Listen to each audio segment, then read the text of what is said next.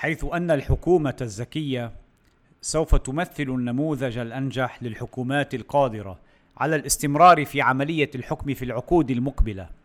لقد تغيرت التحديات خلال عقد من الزمن وانتشر الإجرام الإلكتروني والبلبلة وفوضى السايبر وذابت حدود الدولة في العالم الافتراضي.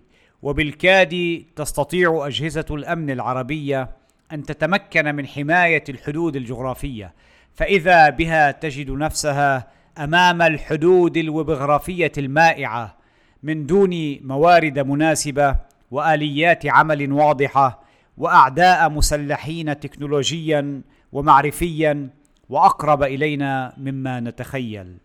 وفي الجهة المقابلة برزت فرص جديدة ومثيرة لم تكن موجودة قبلا. ومنها فرصة أن تكون سلة خدمات الحكومة جوالة وقريبة من المواطن وفرصة الحكومة بالمشاركة الاجتماعية الأكثر فعالية منذ نشأتها وتواصلها مع محيطها ومواطنيها.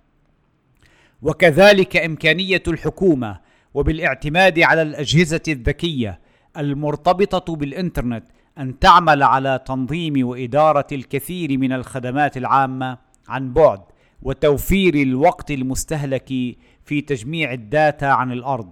إن الحكومة الذكية سوف يكون لها عيون تكنولوجية تراقب النشاط المعلوماتي في مختلف قطاعات المجتمع من أجل اضفاء المزيد من الفعالية والكفاءة على عملها.